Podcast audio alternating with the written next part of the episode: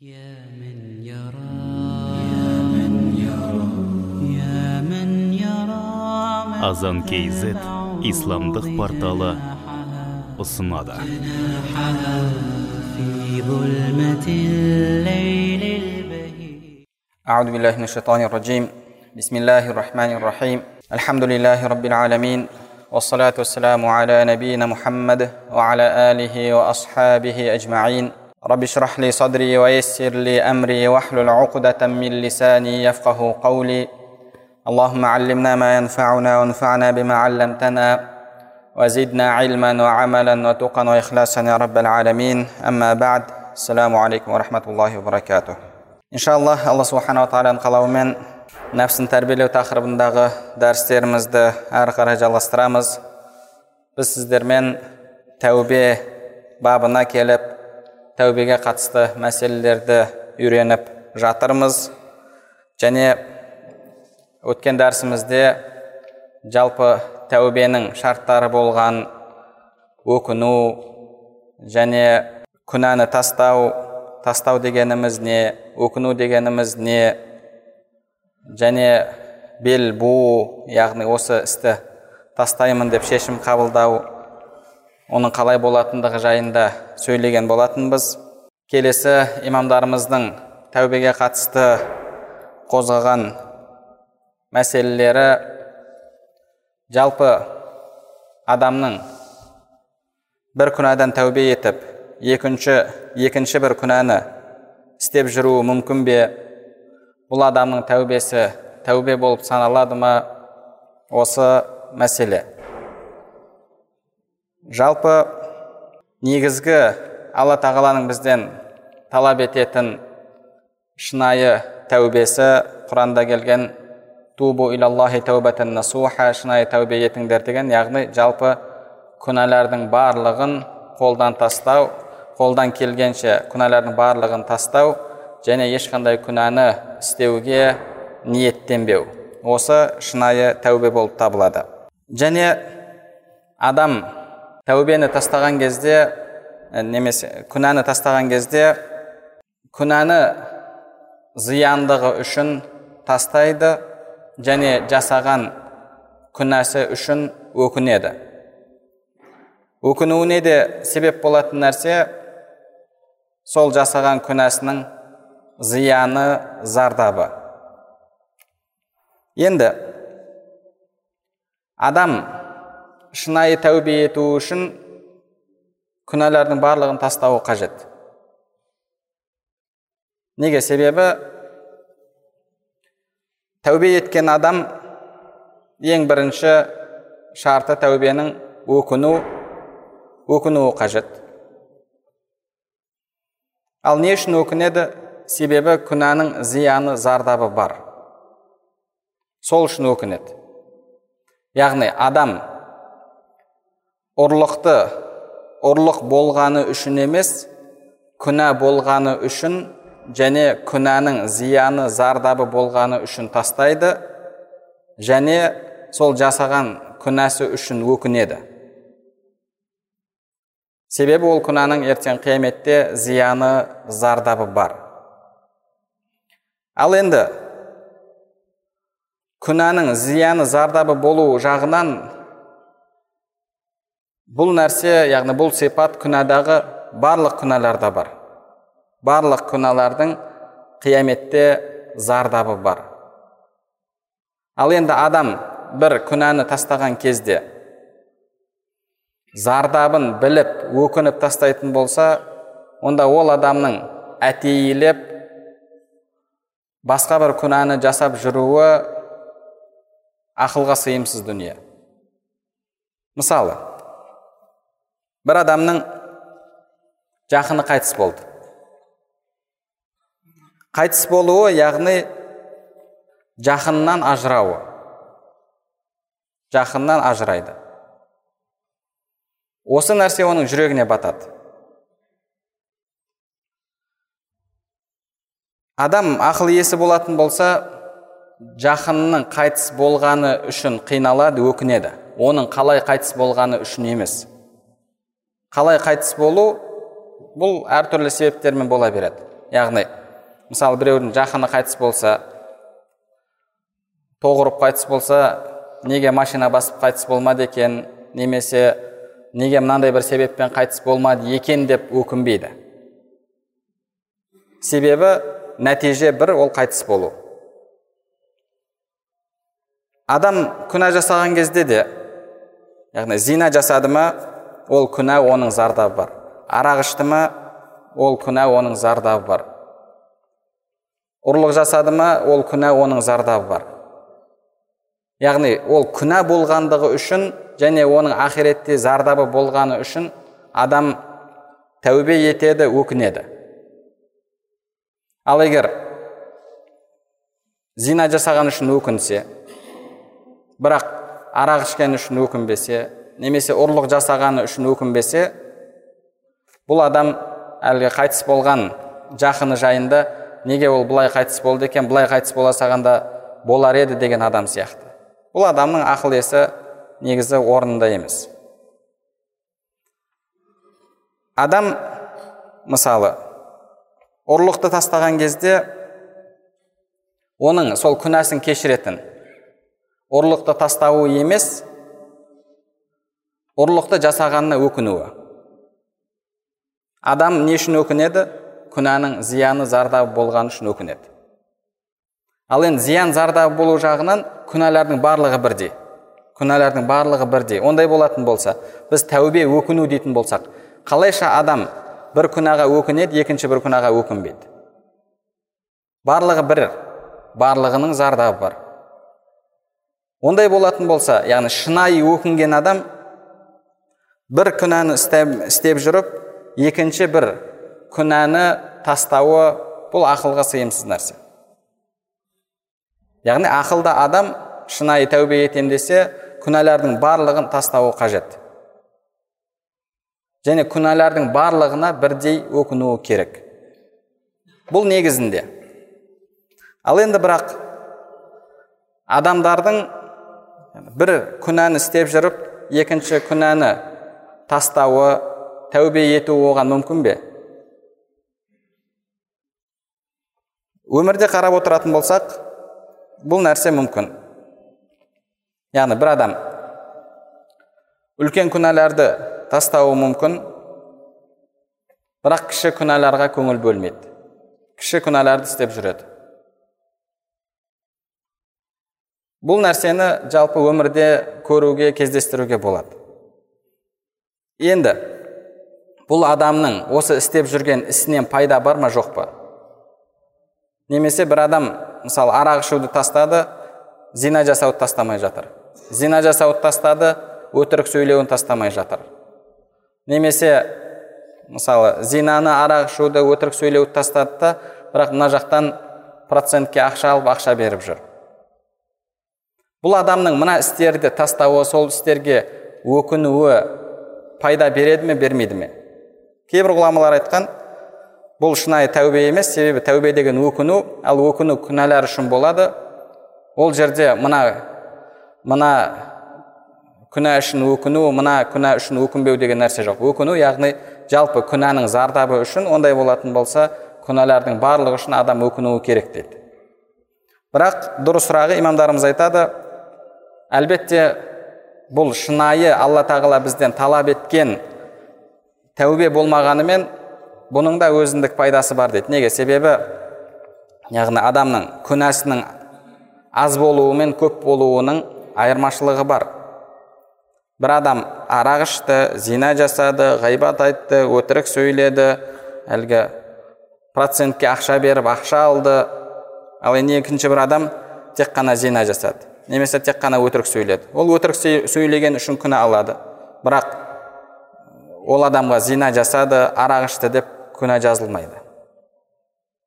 Күнәнің аз болуы көп болуы бұл да адамға өзінің пайдасын береді немесе зиянын келтіреді. Пайдасын беруі яғни зиянның азырақ болуы. Ешқандай одан пайда жоқ деп айту бұл да шариғатқа сай келмейді. Себебі дінімізде күнәнің аз болуы адамның азабының аз болуына және күнәнің көп болуы адамның азабының көп болуына себеп деп айтады. Ондай болатын болса яғни адамның бір күнәдан тәубе етіп екінші бір күнәдан тәубе етпеуі мүмкін. Оған бірінші мысал адамның үлкен күнәларды істеп кіші күнәларды немесе кіші күнәларды істеп үлкен күнәларды тастауы бұл мүмкін мысалы бір адам патшаның отбасына қатысты күнә жасады яғни мысалы оның баласын өлтіріп қойды дейік және қорасындағы малын өлтіріп қойды. Екеуі де патшаға қатысты қылмыс. Бірақ бұл баласын өлтіріп қойған кезде баласы үшін қаттырақ өкінеді осы үшін мені қатты жазалайды ау деп. Сол үшін өкінген кезде өлтіріп қойған малы үшін көп уайым жемейді. Неге себебі? Патшаның баласын өлтіру мен қорасындағы малын өлтіру екеуі екі түрлі деңгейде. Бір адам білет үлкен күнәлардың зардабы ауыр екендігін кіші күнәлардың зардабы үлкен күнәларда емес екендігін сол үшін үлкен күнәлардан көбірек қорқады да оны тастайды кіші күнәларды тастамайды. Мысалы дәрігер бір адамға айтады сенің мынандай дертің бар бұл дертіңде бал жеуіңе болмайды бал саған зиян келтіреді. Және балға ұқсаған нәрселерді де жемегенің абзал себебі оның да зияны бар. Мысалы шекер немесе тағы да басқа сол секілді. Енді ол балдан қаттырақ ескертеді басқасынан тура ондай ескертпеді. Шариғатымызда да күнәлар үлкен күнәлар және кіші күнәлар болып бөлінеді. Үлкен күнәлардың зардабы ауыр және арнайы тәубені қажет етеді. Кіші күнәлар сіздің оқыған намаздарыңыз тұтқан оразаларыңыз сол құлшылықтардың арасында жасалған күнәлардың кафарат болуына яғни кешірілуіне себеп болады. Адам осы тұрғыдан үлкен күнәларды тастап кіші күнәларды істеп жүруі мүмкін. Немесе басқа бір адам екінші бір мысал адамдардың ақысына қатысты күнәлардан тәубе етеді бірақ алла мен өзінің арасындағы күнәлардан тәубе етпеуі мүмкін. Себебі ол жүрегінде білет адамдардың ақысын жейтін болса оның кешірімі адамдардың кешіруіне байланысты.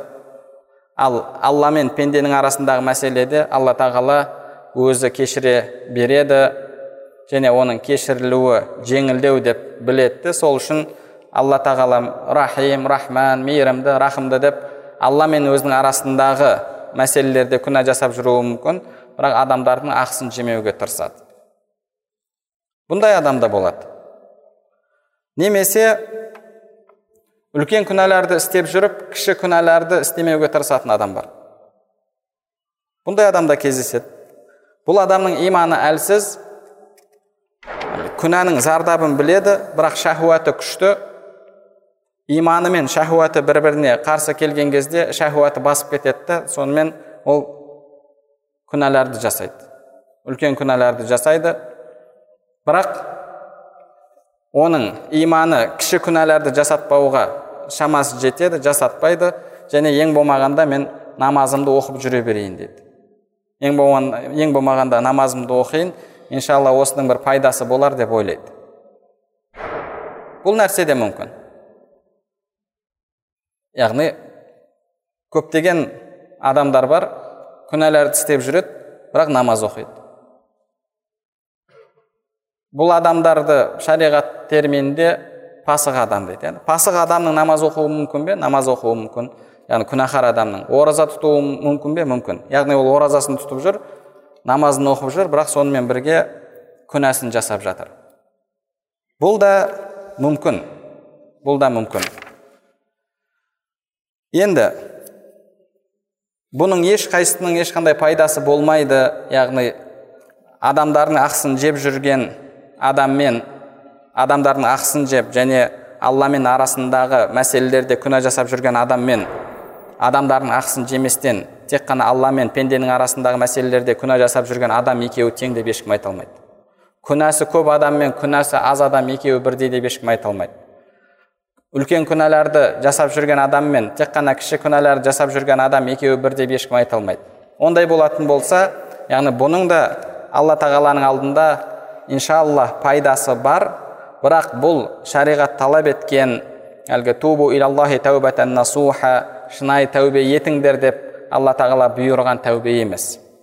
Ол тәубеде адамның жүрегінде сондай өкініш болады. Ол өкініш бүкіл оның тұла бойын билейді тұла бойын баурап алады.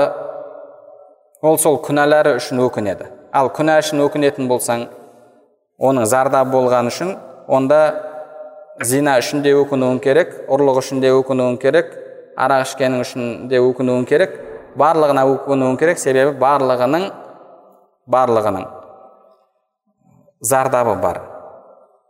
Және жалпы имамдарымыз тәубе бұл өкіну деген кезде яғни адамның күнәсін кешіретін ол арақты тастауы емес сол үшін өкінуі мысалы. Зинаны тастауы емес күнәні кешіретін зина үшін өкінуі. Сен зинаны тастасаң онда болашақта саған зина жасады деп жазылмайды. Бірақ өткен жасаған зинаң кешіріледі ме? Ол үшін адам өкінуі керек яғни тәубе етуі керек. Ал тәубе негізінде бірінші өкінуден тұрады. Өкінген адам барлық күнәға бірдей өкінеді. Енді екінші бір мәселе тәубеге қатысты. Бұл адам мүмкіндігі бар еді күнә жасауға күнә жасап жүрді. Бір күні келді де мүмкіндік қолынан шығып кетті. Ешқандай ода мүмкіндік қалмады күнә жасауға. Бұл адамның енді тәубе еттім астағфирулла сол күнәларым үшін деуі қабыл болады ма болмайды ма? Яғни мысалы бір жас жігіт зина жасап жүрді.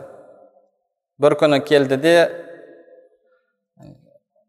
ол өзінің әлгі еркектік қасиетінен мүмкіндігінен айырылып қалды. Сонымен тәубе етті. Немесе әлгі адам жас кезінде күнә жасап жүрді да кейін үлкейген кезде оның бойынан күш қуат кетті дәрмен кетті жастық шақтағы қызығу кетті күнәларға. Сонымен ол тәубе етті намазын бастады. Бұл адамның тәубесі қабыл болады ма болмайды ма? Имамдарымыз айтады егер сол күнәға сол күнәні жасауға мүмкіндігі қалмағаны үшін тәубе еткен болса бұл адамның тәубесі қабыл емес дейді ал бірақ мүмкіндіктен айырылғаннан кейін ол адамның жүрегіне иман келді. Иманы күшейді. Алдын істеген күнәлары үшін өкінді. Қатты өкініп қынжылды қиналды. Яғни оның жүрегінде сондай өкініш пайда болды. Егер ол адамға мүмкіндік қайтып келетін болса ол бәрібір әлгі күнәға бармайды. Егер осындай жағдайда ол адам өкінетін болса онда иншалла алла тағала ол адамның тәубесін қабыл етеді және ол адамның алдыңғы жасаған күнәлары кешіріледі. Кейде көріп жатамыз мысалы қызметте жүрген кезінде ішеді қыз келіншектерге барады кейін пенсияға шығады ақсақал болған кезінде оның барлығын тастайды. Неге себебі? Болды бойдан күш қуат кетті. Бұрынғы қызмет жоқ бұрынғы мүмкіндік жоқ. Сонымен намазын бастайды. Бұл адам егер алдыңғы күнәлар үшін өкініп қынжылып қиналып жүрегі өртенетін болса және қайтадан сол бұрынғы қызметіне жастық шағына қайтқан күннің өзінде әлгі жүрегіндегі өкіну бұның әлгі күнәларды істемеуіне себеп болатын болса онда иншалла алла тағала оның ол күнәларын кешіреді. Себебі бұл адамның тәубесі шынайы тәубе. Ал әлгі түлкі сияқты секіріп секіріп етке жете алмағаннан кейін фу қандай сасық ет! деп кеткен сияқты. Егер сондай болатын болса әлбетте бұл адамның тәубесі тәубе болып есептелмейді. Екінші мәселе немесе үшінші мәселе тәубеге қатысты. Тәубе жасаған адамның тәу, күнәсін ұмытқаны жақсы ма ұмытып кеткені? Немесе әрдайым күнәсін еске алып сол үшін қиналып қынжылып жүргені жақсы ма? Қайсысы абзал болып есептеледі? Кейбір имамдарымыз айтады шынайы тәубе бұл әрдайым күнәңді еске алып күнәң сенің көз алдыңда тұруы дейді екінші бір имамдар айтады сенің ол күнәға қайтпауың ол күнәні мүлдем ұмытып кетуің дейді имам абу хамид ал ғазали рахмаулла айтады бұл жалпы тасауф саласындағы кейбір имамдардың сөздері әркім ол жерде өзінің жағдайына өзінің халіне қарап айтқан. Бірақ бұл жердегі мәселені жалпы кеңінен қарастыру керек деді. Егер адам жаңадан тәубе еткен болса жаңадан тәубе етіп енді құлшылыққа кіріскен болса онда өткен күнәлар үшін қатты өкіну керек қиналу керек жылау керек. Ол адамның тәубесі қабыл болу үшін деді. Бастапқыда осылай болуы керек деді. Ал бірақ кейін құлшылыққа кірісіп иманы күшейіп тура жолға тұрса онда уақыт өте келе ол артыңғы күнәларды ойлап сонымен әуре бола берместен енді алланың алдындағы дәрежесін арттырумен көбірек бас қатыруы керек деді. Оған имам абу, имам абу хамид ал ғазали рахмаулла мынандай мысал келтіреді бір адам өзенде тұрған көпірді бұзып тастады сөйтіп бір күні өзеннен арғы бетке өту керек болды көпірді өзі бұзып тастаған қиналып суға ағып кетейін деп әйтеуір екінші жағаға шықты екінші жағаға шыққаннан кейін сол істеген ісіне яғни көпірді бұзғанына жылап отыра беретін болса ары қарай жүруі керек. Онда бұл адамның ісі орынсыз болады деді. Егер мысалы күндіз болса жол ашық жол жүруге мүмкіндігі бар. Бұндай кезде істеген ісіне өкініп жағада жылап отыра берсе ол ары қарай көздеген жеріне жете алмайды деді. Ал бірақ ол өзеннен өткен кезде мысалы түн болып қалатын болса немесе ар жақта жолға шығуға мүмкіндік болмай тұрса ол кезде жағада отырып жыласа оған жарасады деді. Жағада отырып жылайтын болса істеген ісіне өкініп оған жарасады деді. Тура сол сияқты. Яғни басында сіз күнәдан енді шықтыңыз күнәларды тастадыңыз. Ол кезде сіздің ең бірінші жасайтын қадамыңыз сол әрдайым күнәңізді ойлау сол үшін өкіну жылау алладан кешірім сұрау. Бірақ уақыт өте келе яғни сіз басқа уақыт бір, мысалы бір жылдан кейін екі жылдан кейін үш жылдан кейін әлі де соны ойлап тек қана жылап отыра берсеңіз жылап отырып уақытыңыз өтіп мына жақ жақта құран жаттауға уақыт таппасаңыз көбірек зікір етуге уақыт таппасаңыз көбірек білім алуға уақыт таппасаңыз сіз бір орында тоқтап қалған адам сияқтысыз. Сол үшін де бұл жердегі мәселе жалпы яғни бастапқы кездегі жағдай және кейін адам тура жолға тұрып альхамдулилля иманы күшейіп ол күнәларды мысалы жек көріп кетті болды ол күнәларға қайтпайтындай иншалла деңгейге яғни жетті ондай кезде әрі қарай өзінің деңгейін алланың алдындағы дәрежесін жоғарылатуды ойлауы керек дейді. Және одан кейін егер сол күнәларды ойлауы есіне түсіруі жүрегінде қайтадан бір шахуатты қоздыратын болса сол күнәларға деген жүрегінде бір сағыныш немесе яғни қайта соларды жасау деген бір қалау пайда болып жатса онда ол күнәларды қолынан келгенше ұмытуы керек деді әсіресе мысалы жас жігіт. Ол күнәсін ойлаған сайын сол күнәсімен бірге болған ләззатты есіне түсуі мүмкін. Соның себебімен қайтадан ол күнәға қайтып кетуі мүмкін. Ондай кезде қолдан келгенше ол күнәні күнәға байланысты мәселелерді және соған байланысты адамдарды яғни барлығын ұмытуға барлық сол күнәға қатысты болған нәрседен қарым қатынасты үзуге тырысуы қажет. Енді адамдар жалпы тәубе етеді. Тәубе еткеннен кейінгі жағдайы әртүрлі болып жатады. Жалпы тәубе етуші адамдар төрт деңгейде болады. Біріншісі шынайы тәубе етеді және өткен күнәларының орнын толтыру мүмкін болса толтырады яғни қазасын өтеп немесе күнә, сол күнәлар адамдардың ақысына қатысты болса адамдардың ақысын қайтарып қолынан келгенін істейді. Және одан кейін ол сол тура жолға түскеннен кейін тура жолда тұрақты болады. Кез келген адамнан болатын яғни байқамастан жасап қоятын немесе байқамастан сөйлеп қоятын бір күнәларды ғана ол жасап қояды. А бірақ негізінде тәубе етті ма? Мысалы бес уақыт намазына тұрақты болды жамағатқа жамағат намазына қатысуға тұрақты болды күнде құранын оқып жатыр күнде зікірін айтып жатыр оразасын тастап жатқан жоқ зекетін беріп жатыр. Яғни ары қарай алла тағала бұйырғандай өмір сүріп кетті. Бұл бірінші деңгейдегі адамдар және ең абзал тәубе осы болып есептеледі. Имам абу хамид ғазали бұл адамды ан нафсул мутмаинна яғни тыныштық тапқан нәпсі иесі дейді. Яғни ол тура жолға келді хидаят тапты. Хидаят жолында альхамдулилля оның жүрегі орнықты тыныштық тапты. Сонымен, сонымен ол ары қарай жалғасып кетті. Бұл бірінші деңгейдегі адамдар. Екінші деңгейдегі адамдар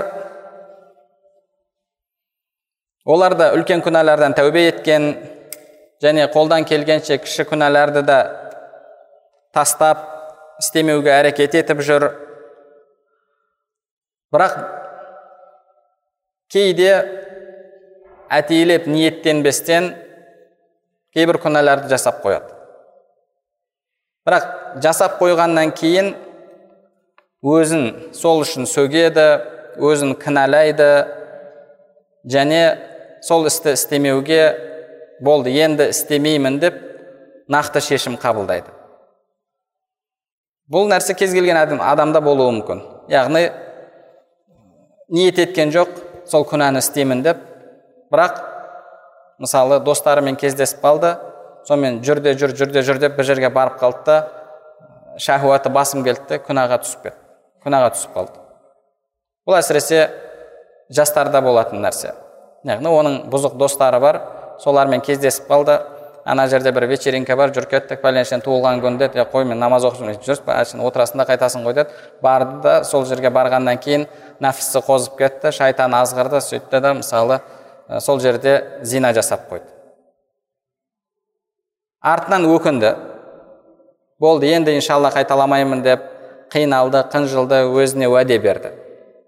Және өзін сол істегені үшін барып қойғаны үшін жек көрді.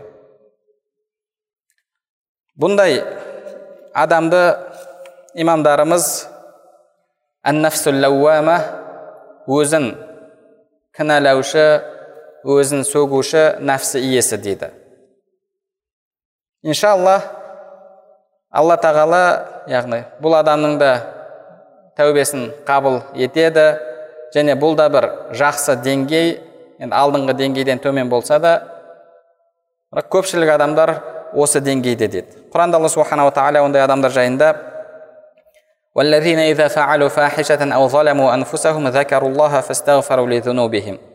олар егер бір фахиша яғни бір арсыздық бір сондай күнә істеп қоятын болса немесе өздеріне зұлымдық жасап қоятын болса олар алланы зікір етеді және күнәлары үшін кешірім сұрайды дейді.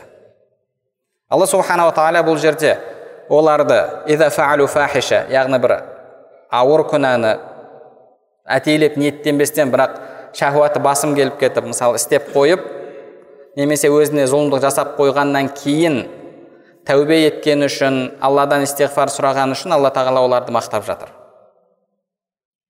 Яғни олар мүлдем күнә істемейді олар мүлдем қайтадан күнәға қайтпайды деп жатқан жоқ ол күнә істеп қояды.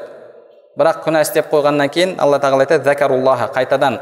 Алланы есіне түсіреді. Субханалла мен не істеп қойдым? Мен бұның барлығын тастаған жоқ па едім? Неге қайтадан бұларға қосылдым?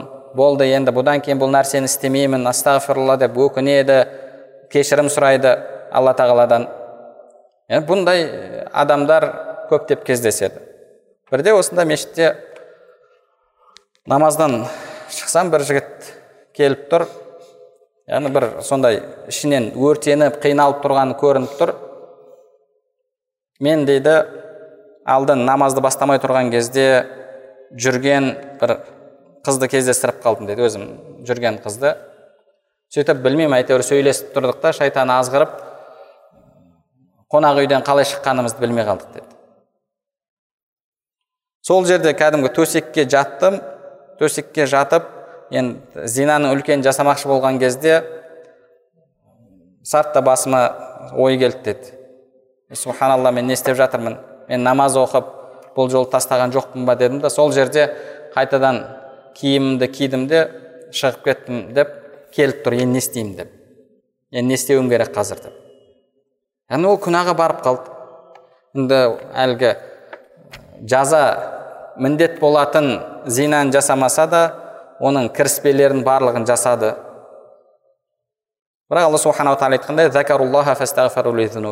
алланы есіне түсіріп сол жерде истиғфар айтып істеген ісіне өкініп мешітке келіп тұр енді мен не істеуім керек деп. Иншалла бұл да бір жақсы деңгей болып табылады. Үшінші деңгейдегі адамдар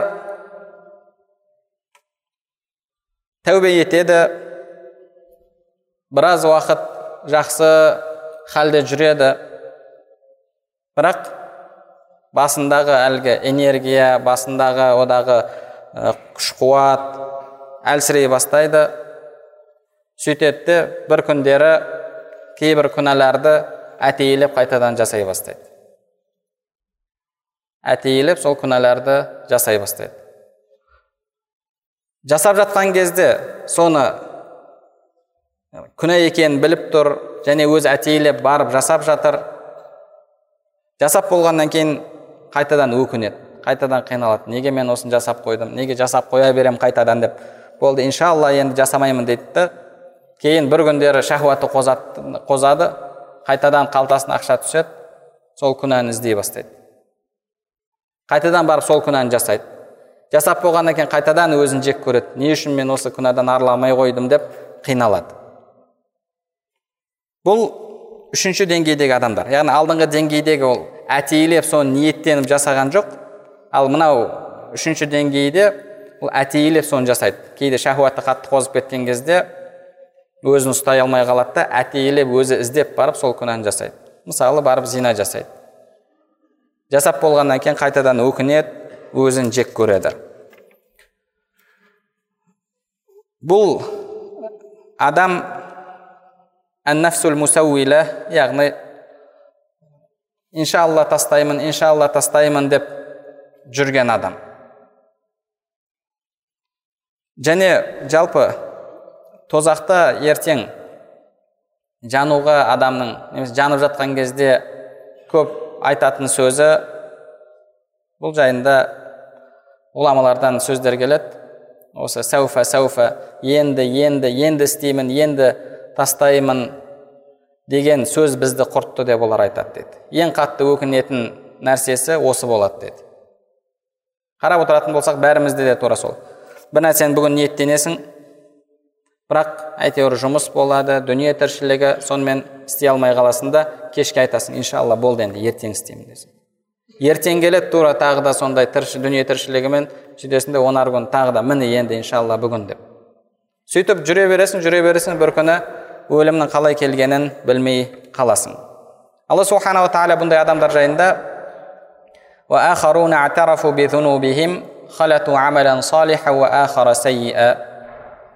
бір адамдар күнәларын мойындап жатыр жақсы амалдар мен жаман амалдарды араластырып қойды дейді. Алла тағала қаласа оның күнәсін кешірер дейді. Яғни ол жалпы намазын тастап қойған жоқ оразасын тастап қойған жоқ бірақ сонымен бірге үлкен күнәні жасап жүр бұл адам жақсы амал мен жаман амалды араластырған адам болып есептеледі бірақ олай жүре беретін болса ертең жағдайы қазіргі жағдайынан да мүшкіл болу қаупі бар бұл адамға да негізі тәубе етуге асығуы керек ал енді төртінші деңгейдегі адамдар бұл күнәлар тастайды намазын бастайды ораза тұта бастайды мешітке келіп жүреді бірақ біраз уақыттан кейін оның барлығын қайтадан тастап бұрынғы жағдайына қайтып кетеді ондай адамдарды өмірде көптеп кездестіруге болады кезінде намаз оқып жүрген намаз оқығанда да кәдімгі тақуалықпен тек қана адал нәрсені жеуге тырысып кез келген шубха болған нәрсені тастаған бірақ біраз уақыттан кейін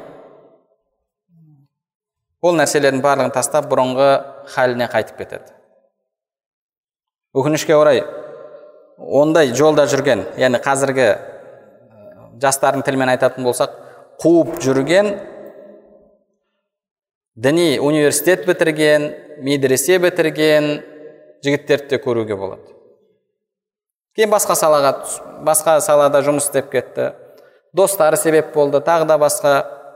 Ол кезінде құран да жаттаған. Мысалы ол бірнеше паралар біледі. Бірақ істеп жүрген ісін қарасаң темекісін шегіп жүр намазын оқып жүрген жоқ әлгі вечеринкалардан қалмайды. Қыз келіншектерден құр қалмауға тырысады. Бұл адам басында яғни тәубе етті да немесе жақсы жолда жүрді кейін қайтадан жаман жолға түсіп кетті. Бір кісіні танимын өзім. Енді ол тақуалық жолға түскенде енді керемет жолда жүрді. Бірақ енді өзіне қатты мәміле жасап қойды ма кейде яғни артық тақуалық жасаймын деп шариғат оған мүмкіндігіңе қарай амал ет десе ол өзінің мүмкіндігінен де асырып жіберді ма бір күндері келді да шыдай алмай сынды. Сол үшін де пайғамбар саллаллаху келетін хадис бар. Кім бағанағы дінді жеңем десе дін оны жеңеді деді. Яғни өйтіп адамның қатты артық алла тағала бұйырған деңгейден де артығырақ әрекет жасаймын деуі бұл да бір күні келіп сіздің шыдамыңыздың таусылуына алып келуі мүмкін. Яғни ол адам нанды өзі қолымен нан пісіріп кетті. Біреулер үйінде ыдыс біреудің үйіне барады үйіне барса олардың үйінен тамақ жемейді оның тамағының қандай екенін білмеймін дейді. Енді ол бағана такфир жолына түсіп бұлар кәпірлер деп жатқан жоқ бірақ артық тақуалық жасаймын деп. Сөйтіп тамақты да өзі үйінде істеп кетті. Әйелі әлі намазға келмеген намаз оқымай әйелім бойы таза емес оның жасаған тамағы маған қалай болады деп тамақты өзі істеп кетті. Енді былайша айтқанда барлық нәрсені бағанағыдай ең кемел түрде жасаймын деді бірақ соңында сақалын қырып тастады қайтадан темекісін шегіп кетті. Енді бұрынғы жұмысына қайтадан қайтып кетті сөйтіп жүрген жолынан мүлдем 180 градусқа бұрылып кетті. Енді бұл адамның халі қандай? Егер қайтадан тәубе етіп шынайы өкініп жатса иншалла алла субханала тағала кешірер. Ал бірақ тура сондай халде кететін болса егер жүрегінде иманымен кететін болса иншалла ол тозақта мәңгі қалмайды. Енді біз әлбетте бұл адам міндетті түрде жазаланады деп те айтпаймыз. Алланың қалауына қалдырылады. Алла қаласа бір себептермен оның күнәсін кешірер. Бірақ алла әділдігімен мәміле жасайтын болса енді ол адамның жағдайы мүшкіл жағдайы қиын. Және ертең солай жасап жүріп яғни сол күнәда жүріп ертең тәубе ете алмай қалуы да мүмкін. Тәубе ете алмай қалуы мүмкін. Себебі адам бір күнә жасаса оның жүрегіне қарадақ түседі тағы бір күнә жасаса тағы қарадақ түседі. Және әсіресе алла тағала лағнат айтқан пайғамбарымыз лағнат айтқан күнәларды жасап жүрген болса кейбір имамдарымыз айтады лағнат деген яғни алланың оған лағнаты болсын лағнеті болсын қарғысы болсын деген ә, хадистердегі лағнет ол бір жүзіңнің қарайып кетуі емес бір күнәні істегеннен кейін екінші бір күнәға түсуің деді екінші күнәні істегеннен кейін үшінші күнәға түсуің деді яғни бұл хирман дейді хирман мақұрым қалу жазасы дейді. Бұл ең ауыр жаза. Адамның тәубеден махрұм болуы тура жолға келуден махрұм болуы бұл ең ауыр алла тағала бұл дүниеде жазалайтын жаза болып табылады. Ал лән деген сөз яғни қарғыс араб тілінде ибад бір нәрседен ұзақтату деген. Яғни ол адам алланың рахметінен ұзақ болсын алланың мейірімінен ұзақ болсын деген сөз. Ол сондай күнәні істеп жүр ма қарғысқа лайық болып жүр ма онда ол күнәдан екінші күнәға түседі екінші күнәдан үшінші күнәға түседі. Жақсы жолдас кездестіре алмайды. Оған тек қана жаман адамдар жолдас болады. Яғни оның тәубеге хидаятқа келуіне себеп болатын кез келген себептерден ұзақ болады да соңында мүлдем мүлдем тура жолдан ақиқат жолынан тайып кетуі мүмкін. Алла субханала тағала бәрімізді бұндай жаман нәтижеден соңының жаман болудан алла тағала бәрімізді сақтасын.